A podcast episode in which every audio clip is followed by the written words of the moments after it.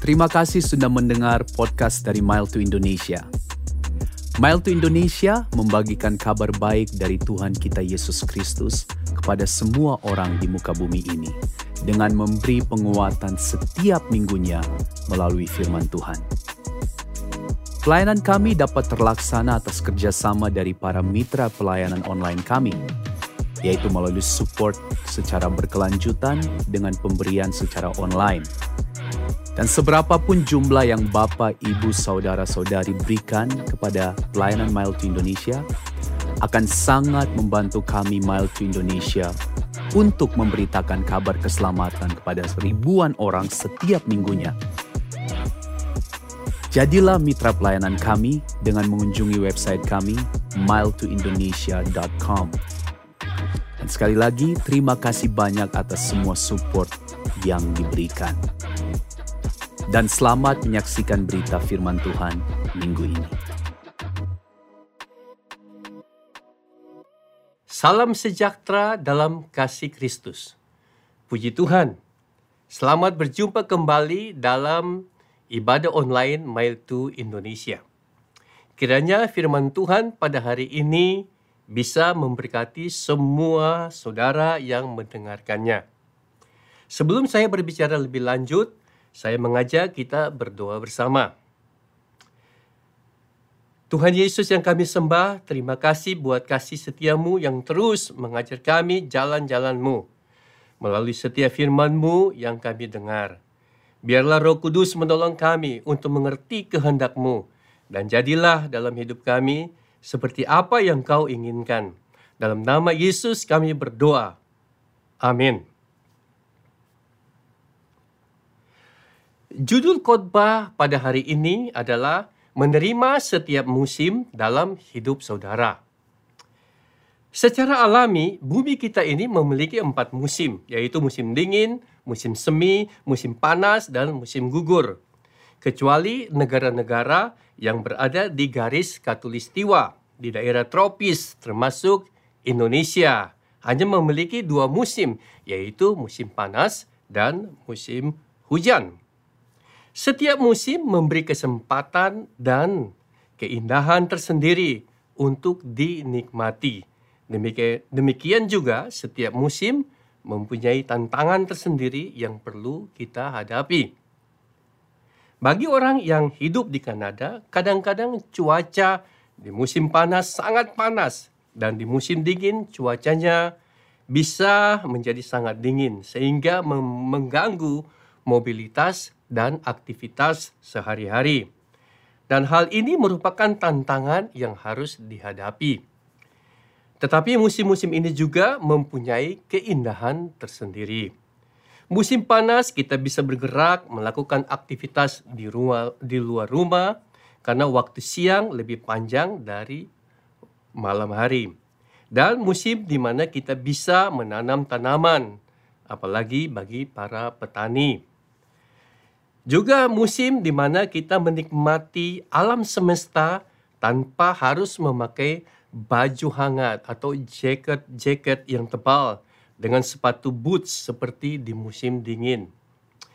Tetapi di musim dingin kita bisa menikmati salju yang turun dari langit yang mendatangkan keindahan dan kenikmatan tersendiri. Musim gugur kita bisa menikmati keindahan perubahan warna daun yang tadinya berwarna hijau berubah menjadi merah, kuning, coklat, dan semua daun berguguran. Tantangannya di musim ini, hampir setiap hari angin berhembus dengan kencang. Musim semi kita bisa melihat pohon, bunga, rumput yang tadinya kelihatannya mati di musim dingin mulai mengeluarkan tunas-tunas muda yang baru. Warna hijau yang menunjukkan adanya kehidupan di mana-mana. Hal ini memberi kenikmatan tersendiri. Tetapi jalanan dipenuhi dengan air karena salju mulai mencair. Begitu pula dalam perjalanan iman kita. Ada musim-musim tertentu yang silih berganti datang di dalam kehidupan kita. Dalam menghadapi musim-musim tertentu dalam hidup ini, ada sebagian orang mulai mengalami krisis iman. Ada yang mulai bertanya, apakah saya sudah meninggalkan kasih mula-mula? Karena saya tidak merasakan pengalaman-pengalaman rohani yang hebat seperti di masa lalu. Dan ada juga yang mempertanyakan apakah saya perlu Tuhan dalam hidup ini di masa-masa ini. Kalau saudara mengalami masa-masa sulit di dalam keluarga, dalam hubungan suami istri, dalam pekerjaan dan sebagainya, saudara mulai mempertanyakan apakah iman saudara kepada Tuhan bisa menolong saudara keluar dari kesulitan ini? Atau saudara pernah mendengar bahwa Tuhan akan menolong saudara dalam masa-masa sulit? Tetapi pada saat saudara mengalaminya dan rasanya pertolongan Tuhan tidak kunjung datang. Biasanya sebagian manusia, sebagai manusia kita cenderung untuk mencari jalan keluar. Mencari sesuatu yang kita pikir berguna bagi kita daripada kita menerima musim atau masa yang kita sedang alami. Sebagaimana secara alami di bumi ini ada musim yang berbeda-beda setiap tahunnya, dengan keindahan dan tantangannya silih berganti, datang dan pergi. Demikian juga musim yang berbeda-beda akan datang di dalam perjalanan iman kita sebagai pengikut Kristus. Dan kita tidak bisa menolaknya atau memilih hanya musim-musim tertentu yang kita inginkan. Karena itu adalah bagian dari hidup kita. Tidak semua musim yang kita alami menyenangkan kita. Tetapi kita akan menemukan bahwa ada musim-musim yang kita alami dalam menjalani kehidupan iman kita tidak menyenangkan dibandingkan dengan musim-musim yang lainnya. Namun musim-musim yang tidak menyenangkan ini ada manfaatnya. Manfaatnya bagi kita di mana hal itu merupakan suatu ujian bagi kita untuk bisa membuat kita menyadari keterbatasan kita sebagai manusia yang tidak berdaya. Agar kita bisa datang kepada Tuhan dengan segala kerendahan hati meminta pertolongan dan kuasanya. Hal seperti ini bukannya hal yang buruk, tetapi dalam musim seperti ini membawa kita lebih berserah kepada Tuhan dan kita harus melaluinya. Namun ada sebagian orang percaya yang hanya mau menerima dan tinggal dalam musim-musim yang mudah dan menyenangkan saja.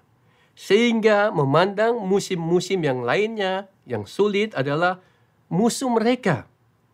Karena membutuhkan ketahanan dan kesetiaan untuk melalui musim-musim tersebut. Yang kita perlu ketahui adalah bahwa setiap musim yang kita alami dalam kehidupan kita mempunyai tujuan. Dan setiap musim memberikan kita kesempatan yang berbeda untuk mencari dan menemukan Tuhan dengan cara yang berbeda pula. Tentunya dalam kita menghadapi setiap musim, kita memiliki antusias yang berbeda-beda. Karena setiap musim itu tidak sama. Kita akan menjadi lebih baik lagi apabila kita belajar menerima setiap musim yang kita hadapi. Tidak hanya menerima musim yang menyenangkan saja.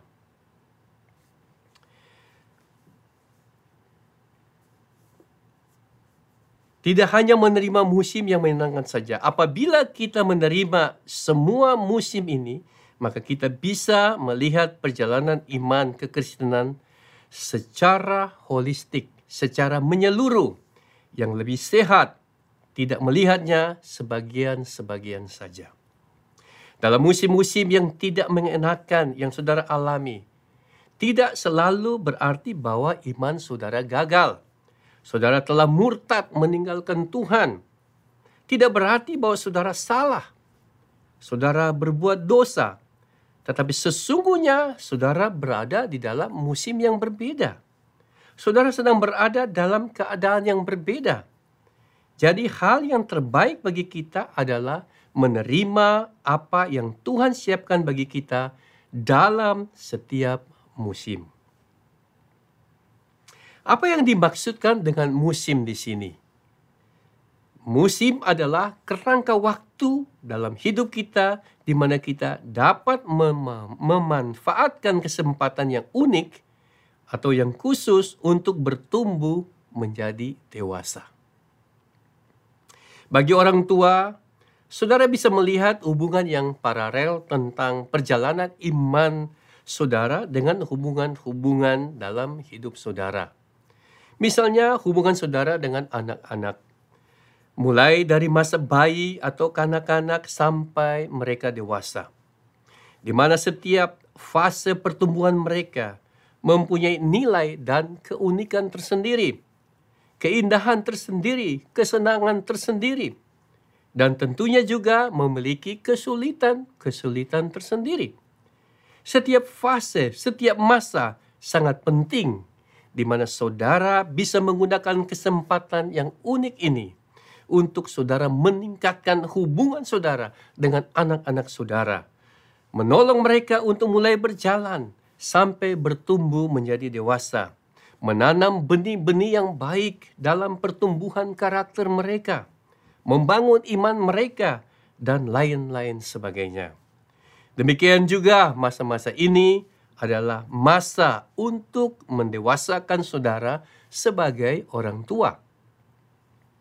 Setiap fase mulai dari masa mereka masih bayi, anak-anak, remaja, dan pemuda atau telah menjadi dewasa. Dalam pertumbuhan mereka memerlukan perhatian, perlakuan, dan cara berkomunikasi yang berbeda-beda. Dan sebagai orang tua, kita harus menerima dan harus berurusan dengan setiap fase atau masa ini. Karena yang pasti setiap fase pertumbuhan ada yang menyenangkan dan ada pula yang tidak menyenangkan. Kita harus menikmati setiap fase atau masa pertumbuhan mereka karena ketika mereka menjadi dewasa tidak mungkin mereka akan kembali lagi menjadi anak-anak atau bayi.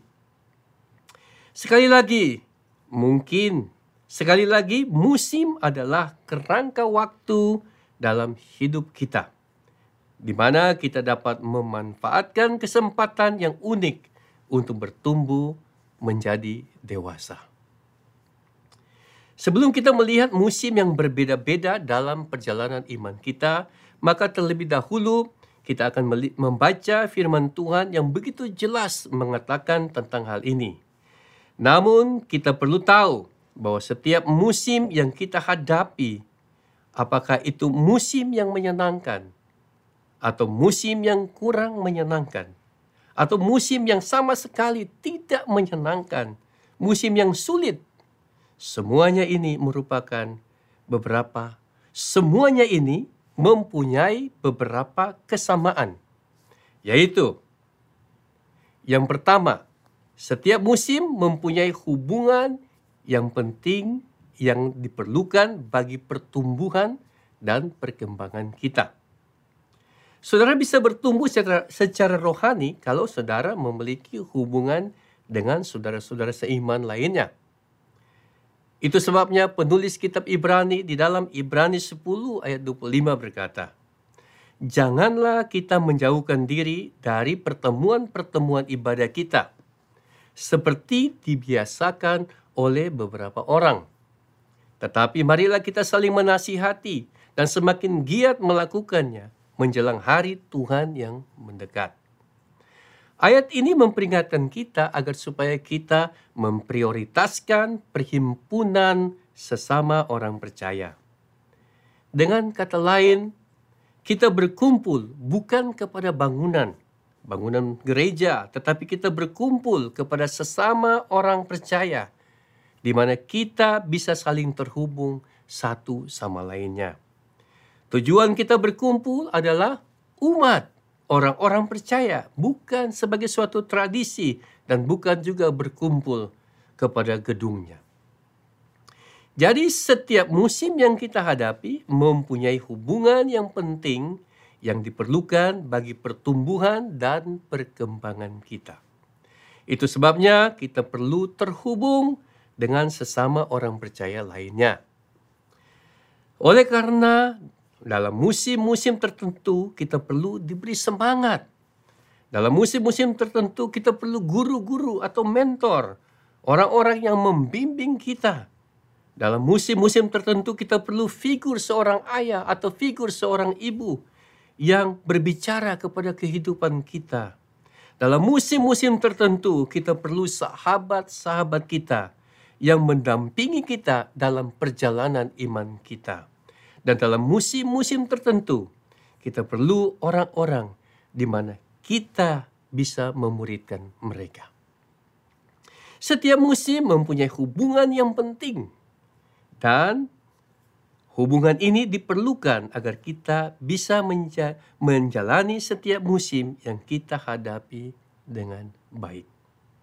Yang kedua, setiap musim mempunyai realitas masa kini yang perlu kita pahami. Kita harus mengetahui di mana kita berada sebelum Tuhan dapat menuntun kita ke mana kita harus pergi. Bagi beberapa orang sangat sukar bagi mereka untuk mengenali realitas mereka. Sulit bagi mereka untuk mengenali keberadaan mereka yang sebenarnya yang sedang mereka alami. Dan begitu saja meninggalkan hal itu dan melangkah maju ke depan. Tetapi sesungguhnya untuk melangkah maju dengan sehat, kita perlu mengenali keberadaan kita saat ini sehingga kita tahu ke arah mana Yesus Kristus menuntun kita. Mengikuti Yesus membutuhkan gerakan maju, membutuhkan suatu perjalanan. Menjadi murid adalah menjadi pengikut Yesus yang akan dituntunnya ke tempat yang kita harus pergi. Tetapi untuk kita bisa dituntun oleh Yesus, maka kita perlu tahu di mana kita berada saat ini. Apa keadaan kita saat ini? Jadi setiap musim mempunyai realitas masa kini yang perlu kita pahami dan juga setiap musim mempunyai hubungan yang penting. Dan yang ketiga, setiap musim memiliki kesempatan yang unik, kesempatan yang khusus untuk mengenal Tuhan yang lebih besar. Kalau kita tidak bisa menerima musim-musim yang tidak menyenangkan, yang kita anggap sebagai musuh kita, maka risikonya akan mengganggu pandangan kita membatasi pandangan kita tentang Tuhan. Berapa lama saudara telah menjalani perjalanan iman saudara? Apakah saudara baru bertobat atau saudara telah lama mengikuti Tuhan? Yang saya tahu adalah Tuhan itu jauh lebih besar dari apa yang saudara tahu saat ini. Sebagai manusia, mustahil bagi kita untuk menangkap semua aspek Tuhan dan mengerti tentang Tuhan secara komplit. Tuhan melebihi dari apa yang kita pikirkan. Dan hal ini merupakan keindahan dalam mengikuti Tuhan. Dalam mengikuti Tuhan kita bertumbuh dalam pengetahuan dan pengenalan akan Dia. Mengikut Yesus adalah hal yang memuaskan dibandingkan dengan perkara-perkara lainnya. Jadi karena kita tahu betapa besar dan kompleksnya Tuhan, maka kita akan menerima semua musim yang kita hadapi sebagai kesempatan untuk mengenal Tuhan yang lebih besar lagi. Dan kita bisa menyerahkan diri kita untuk mengikuti jalan Tuhan yang kudus itu melalui setiap musim yang kita hadapi. Tiga hal ini perlu saudara ingat pada saat kita berbicara tentang musim-musim yang berbeda ini. Kita akan melihat di dalam pengkhotbah pasalnya yang ketiga ayat 1 sampai ayatnya yang ke-8 dan juga di dalam ayatnya yang ke-11. Kalau saudara membaca ayat-ayat ini, penulisan ayat-ayat ini sederhana, tetapi mempunyai implikasi yang besar dan kita lihat setiap musim ada gunanya bagi kita. Bahkan di dalam kehidupan yang paling sulit sekalipun, tidak ada yang disia-siakan di dalam Kristus. Sehingga kita bisa menerima setiap musim yang sedang kita alami. Kita mulai di dalam ayat yang pertama, untuk segala sesuatu ada masanya. Untuk apa pun di bawah langit ada waktunya. Ada waktu untuk lahir, ada waktu untuk meninggal, ada waktu untuk menanam, ada waktu untuk mencabut yang ditanam, ada waktu untuk membunuh, ada waktu untuk menyembuhkan, ada waktu untuk merombak, ada waktu untuk membangun, ada waktu untuk menangis, ada waktu untuk tertawa, ada waktu untuk meratap, ada waktu untuk menari, ada waktu untuk membuang batu, ada waktu untuk mengumpulkan batu, ada waktu untuk memeluk, ada waktu untuk menahan diri dari memeluk, ada waktu untuk mencari, ada waktu untuk membiarkan rugi, ada waktu untuk menyimpan, ada waktu untuk membuang, ada waktu untuk merobek, ada waktu untuk menjahit, ada waktu untuk berdiam diri, ada waktu untuk berbicara, ada waktu untuk mengasihi, ada waktu untuk membenci, ada waktu untuk perang, ada waktu untuk damai. Apakah untung pekerja dari yang dikerjakannya dengan berjerih payah? Aku telah me Ya, kemudian di dalam ayat yang ke-11. Ia membuat segala sesuatu indah pada waktunya bahkan ia memberikan kekekalan dalam hati mereka. Saudaraku, pengkhotbah berkata bahwa segala sesuatu dalam hidup ini mempunyai waktu atau musim. Dan apabila kita bisa menerima setiap musim ini, maka hal itu akan menjadi indah pada waktunya. Ayat-ayat ini juga berkata bahwa kita akan menjadi lebih baik dalam menjalani hidup ini, baik secara jasmani maupun secara rohani, apabila kita tahu bahwa segala sesuatu yang terjadi dalam hidup kita ini mempunyai waktu atau musim. Ada waktu untuk setiap tujuan di bawah kolong langit ini. Dan apabila kita tahu musim apa yang sedang kita alami dan kita bisa menerimanya, maka kita akan mengalami keindahan dan kuasa yang disiapkan dari setiap musim itu. Mari kita melihat musim-musim yang berbeda dan daftar musim yang berbeda-beda yang saudara akan lihat tidak komplit. Saudara bisa menambahkan daftar ini sesuai pengalaman yang saudara alami.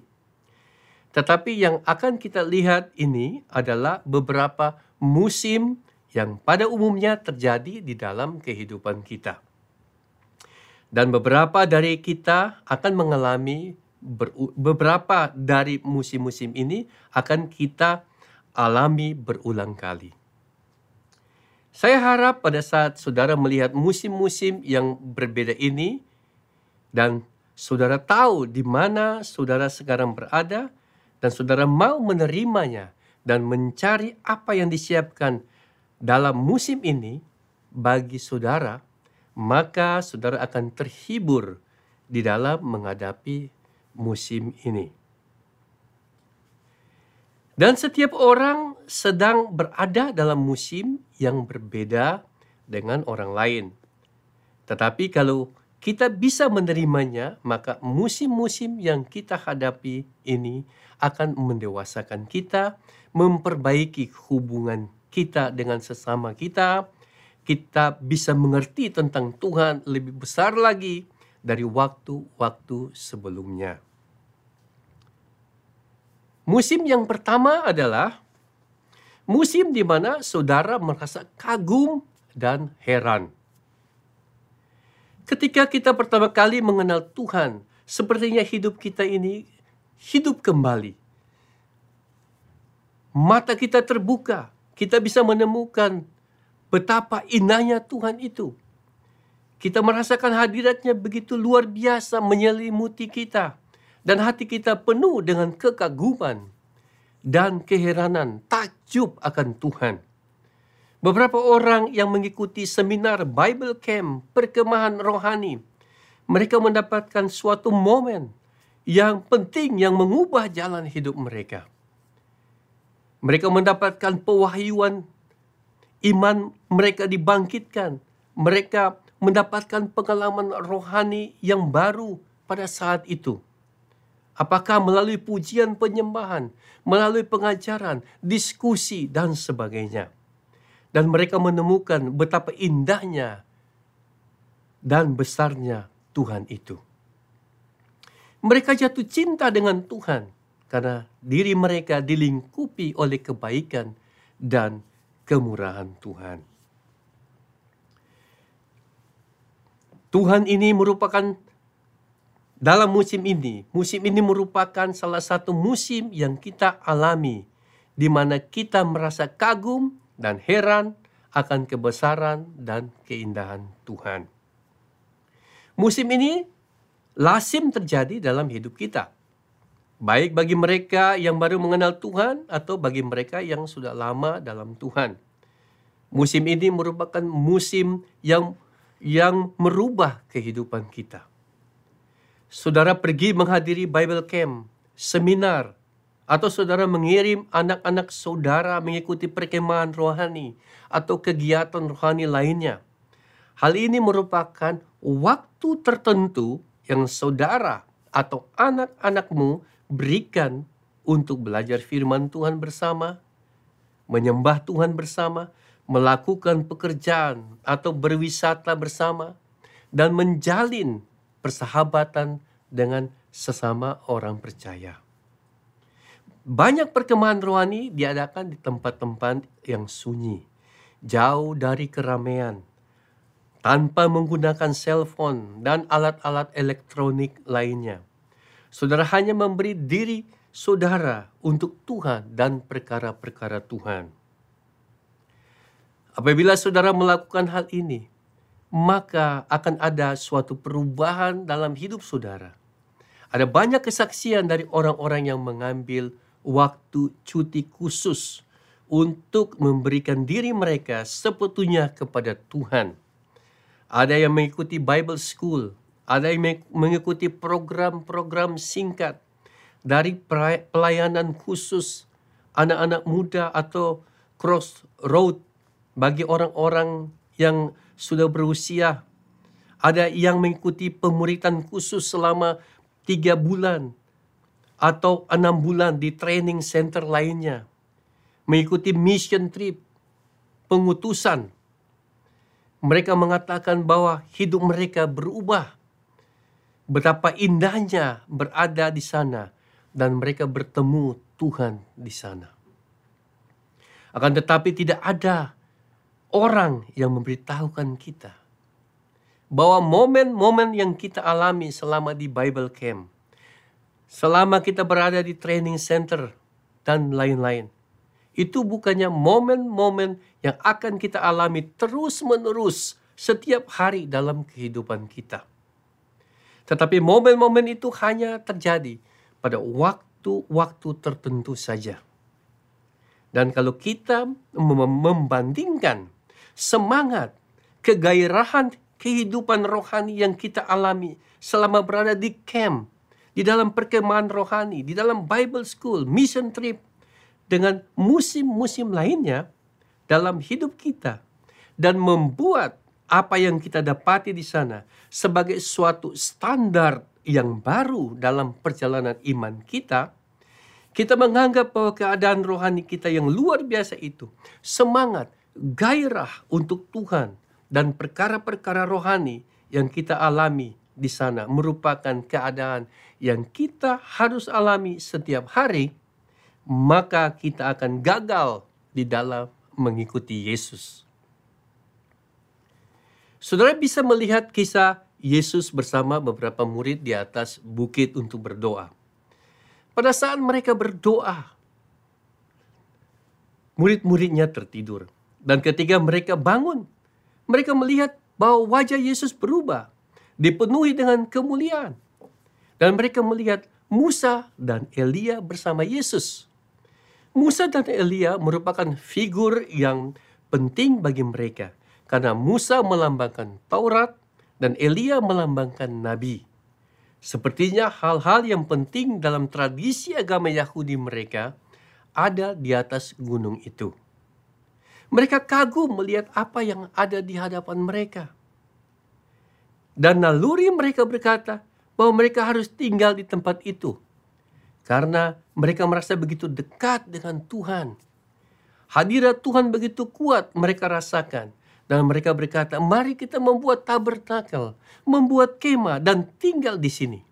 Tetapi apa jawab Yesus, saudaraku?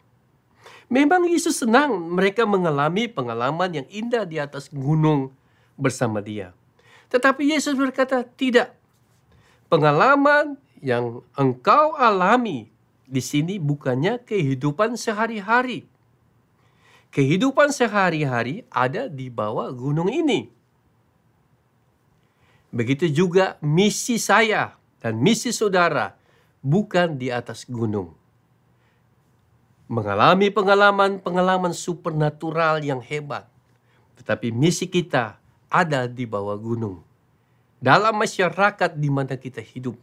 Bersosialisasi setiap hari. Tuhan memanggil kita bukan saja untuk menikmati Tuhan dan hadiratnya di atas gunung. Akan tetapi Tuhan memanggil kita dengan satu perintah. Pikulah salibmu dan ikutlah aku. Saudaraku tidak salah untuk menikmati momen atau masa-masa yang menyenangkan dalam hadirat Tuhan. Tetapi kita perlu ingat, momen ini bukan tujuan utama kita di dalam mengikuti Yesus. Ada banyak orang yang pernah mengalami pengalaman yang mengagumkan, mengherankan bersama Tuhan beberapa saat.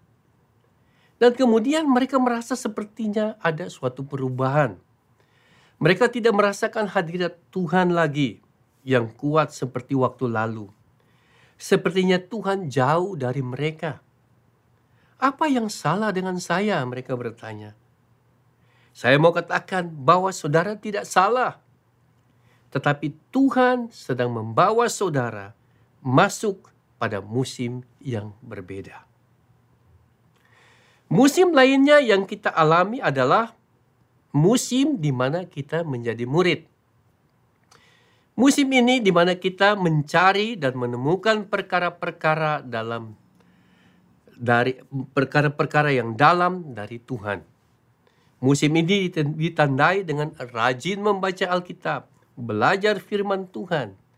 Dan bagi mereka yang tidak suka membaca, mereka bisa mendengarkan melalui podcast YouTube rohani.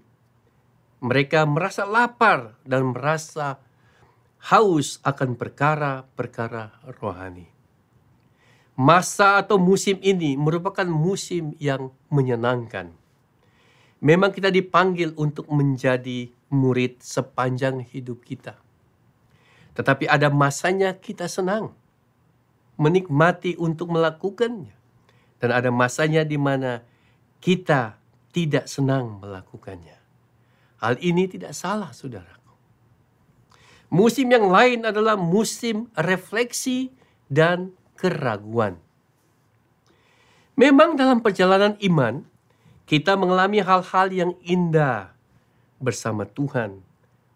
Tetapi satu saat terjadi sesuatu dalam hidup kita di mana kita merasakan bahwa hidup bersama Tuhan itu lebih kompleks, lebih rumit dari sekedar apa yang kita baca dan kita dengar.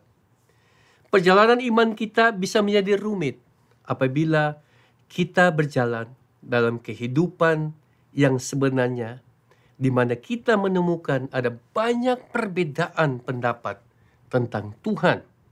Kita temukan hubungan kita tidak seperti yang kita hadapi atau harapkan terjadi. Dan kita mulai mempertanyakan beberapa hal tentang kepercayaan kita. Kita mulai merefleksikan, merenungkan apa yang kita percaya. Dan bagi beberapa orang, mereka mulai ragu-ragu tentang apa yang mereka percaya. Beberapa orang dalam musim ini, mereka mengalami krisis iman. Memang kalau kita tidak mengerti di musim apa kita berada dan tidak bisa menerimanya, maka kita akan mengalami krisis iman. Sebenarnya, dalam musim ini kita tidak perlu mengalami krisis iman. Karena kita karena untuk mendapatkan sesuatu yang baru dan yang menyegarkan, kita perlu merubah pikiran kita dan uh, untuk merubah pikiran kita kadang-kadang kita perlu melepaskan sesuatu yang selama ini kita pegang. Contohnya, apabila saudara merenovasi rumah, Apabila saudara ingin mendapatkan ruangan yang baru dan dapur yang baru mungkin, maka saudara harus me merubuhkan yang lama. Begitu pula dengan kita, untuk mendapatkan yang baru dari Tuhan, kita perlu melepaskan kepercayaan-kepercayaan lama yang tidak sesuai dengan firman Tuhan. Dalam masa ini mungkin saudara tidak mengalami krisis iman. Tetapi mungkin Tuhan sedang merenovasi sesuatu di dalam hidup saudara. Jadi musim refleksi dan keraguan ini bisa menolong kita menemukan Tuhan lebih besar lagi. Yang membuat kita krisis iman bukan karena kita ragu-ragu, tetapi kita terlalu percaya pada hal-hal yang salah.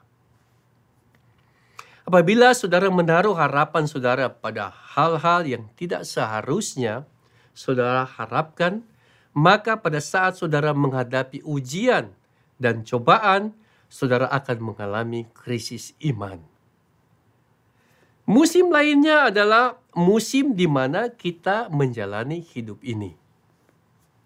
Kita mempunyai anak yang harus kita besarkan. Kita mempunyai pekerjaan kita mempunyai proyek-proyek tertentu yang harus kita selesaikan. Bagaimana kita bertindak, bereaksi dalam hubungan kita dengan pasangan kita, dengan sesama. Hal ini bukan berarti kita meninggalkan Tuhan, tapi kita melakukan apa yang menjadi kewajiban kita di dalam kehidupan kita. Dalam menjalani hidup, ada beban, yang harus kita kita hadapi. Ada kewajiban dan ada kebiasaan-kebiasaan tertentu yang selalu kita harus lakukan. Ada tanggung jawab yang harus kita lakukan. Tetapi ini bukan berarti gairah dan semangat saudara untuk Tuhan telah lenyap. Tetapi sebaliknya, orang Kristen harus menjalani hidup ini dengan kata lain, kita bisa memuliakan Tuhan dengan pekerjaan kita. Kita bisa memuliakan Tuhan dengan kegiatan kegiatan kita setiap hari. Hidup orang Kristen bukan hidup menyendiri, tetapi kita diciptakan untuk bekerja dan membagi hidup kita dengan sesama. Mungkin dalam musim kita, kita sibuk. Musim ini kita sibuk Hal ini tidak apa-apa. Dalam musim ini kita perlu, tetapi dalam musim ini kita perlu orang-orang yang telah mengalami pengalaman hidup yang cukup lama. Para mentor yang bisa memberi masukan kepada kita, sehingga kita bisa menjalani hidup ini dengan baik. Memang hidup ini penuh beban dan kesibukan. Tetapi kita perlu menyadari dan menerimanya sebagai bagian dari kehidupan kita. Musim yang berikutnya adalah musim cobaan dan penderitaan. Musim ini adalah musim yang kita tidak suka, saudara. Musim di mana kita menghadapi kesukaran hidup. Dan tidak bisa disangkal bahwa kita akan menghadapi masa-masa sulit dalam hidup kita. Kita mendengar berita-berita yang mungkin bisa membawa kita tersungkur di kaki Yesus. tetapi musim cobaan dan penderitaan. Bukannya musim yang merugikan kita, tetapi sesungguhnya musim ini memberikan kita kesempatan yang unik untuk kita mencari Tuhan. Karena Tuhan mau melakukan sesuatu dalam saudara dan melalui saudara, bahkan melalui cobaan dan penderitaan. Paulus berkata di dalam 2 Korintus 4 ayat 17 dan 18. Sebab penderitaan ringan yang sekarang ini mengerjakan bagi kami kemuliaan kekal yang melebihi segala-galanya, jauh lebih besar daripada penderitaan kami. Sebab kami tidak memperhatikan yang kelihatan, melainkan yang tak kelihatan. Karena yang kelihatan adalah sementara, sedangkan yang tak kelihatan adalah kekal. Jadi apabila kita berada di dalam musim ini, biarlah mata kita tidak tertuju pada hal-hal yang dapat kita lihat. Karena apa yang kita lihat hanya sementara. Dan apa yang kita tidak lihat dengan mata jasmani ini bersifat kekal. Yang dimaksudkan Paulus di sini adalah apabila kita menghadapi ujian dan cobaan hidup, biarlah kita mencari Tuhan dan bertumbuh ke arah Tuhan dan mengetahui, mengenali Tuhan yang jauh lebih besar lagi dari apa yang kita ketahui sebelumnya. Ingatlah bahwa musim ini adalah musim yang bersifat sementara. Musim ini pasti akan berlalu. Kemudian ada musim pemulihan. Musim di mana kita keluar dari hubungan kita yang retak, dari kehancuran dalam hidup kita. Kita perlu mencari jalan keluar untuk menyembuhkannya. Musim ini adalah musim di mana saudara bisa melihat kembali hidupmu, disembuhkan, dan menerima perubahan. Musim ini juga merupakan kesempatan kita bisa melihat Tuhan berada di sana. Dalam musim ini, kita perlu orang-orang tertentu yang telah melaluinya atau yang memiliki hikmat Tuhan untuk berbicara kepada hidup kita. Dan kita tidak boleh kembali kepada apa yang pernah terjadi sebelumnya. Tetapi kita perlu melangkah maju kepada apa yang Tuhan siapkan bagi kita. Dan musim yang terakhir adalah musim di mana kita memberi kembali apa yang kita sudah terima. Memang kapan saja kita bisa memberi kembali apa yang kita sudah terima. Tetapi musim ini adalah musim di mana saudara memusatkan diri, memusatkan diri saudara untuk memberikan kembali apa yang saudara sudah terima. Apa yang saudara telah terima selama ini. Apakah pengalaman-pengalaman yang indah bersama Tuhan? pertolongan Tuhan yang saudara alami, pewahyuan yang saudara terima selama saudara belajar bersama Tuhan, baik secara pribadi atau saudara mendapatkan dari guru-guru atau mentor saudara. Ada masa di mana saudara memberi diri untuk melayani orang lain, berjalan bersama mereka. Ini adalah musim di mana saudara menginvest dan memberi kepada mereka yang datang kepada saudara. Sekali lagi saya katakan bahwa daftar musim ini tidak komplit, tetapi pada umumnya saudara bisa melihat musim-musim yang umum ini yang biasanya terjadi dalam perjalanan iman kita di dalam mengikuti Yesus. Yang saya mau saudara mengerti dan menangkapnya, ya menangkap inti dari pembicaraan kita pada hari ini adalah setiap musim memberikan kesempatan yang unik kepada kita untuk bertumbuh dalam iman kita, untuk menolong kita bertumbuh dalam pengetahuan dan dalam hubungan kita dengan Tuhan, dan menolong kita untuk bertumbuh dalam hubungan kita dengan sesama kita. apa pun musim yang saudara sedang hadapi hari-hari ini, ketahuilah bahwa Tuhan beserta saudara di sana. Dan Tuhan sedang menyiapkan sesuatu yang baik bagi saudara. Dan Tuhan akan bekerja melalui kehidupan saudara.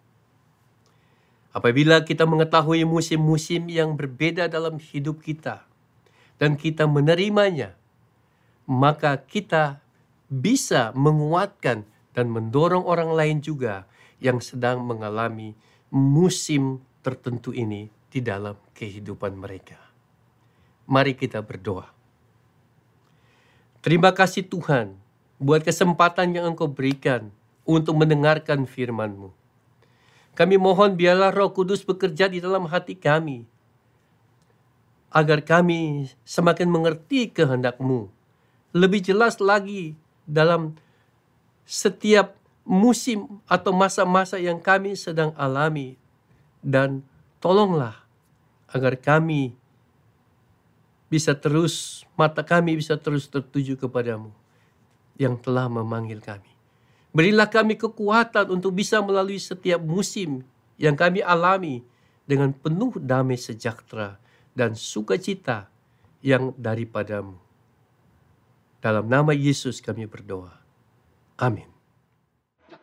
Terima kasih banyak sudah mendengarkan pesan firman Tuhan di minggu ini. Dan jikalau Bapak, Ibu, Saudara-saudari ingin menghubungi kami selama minggu berjalan, silakan mengunjungi website kami yaitu miletoindonesia.com.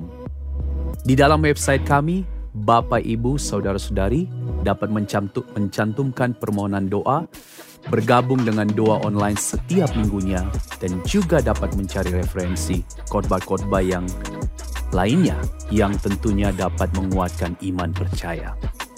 Kami berharap dengan ini semua, cinta kasih kita kepada Tuhan dan sesama terus bertumbuh. Tuhan Yesus memberkati kita.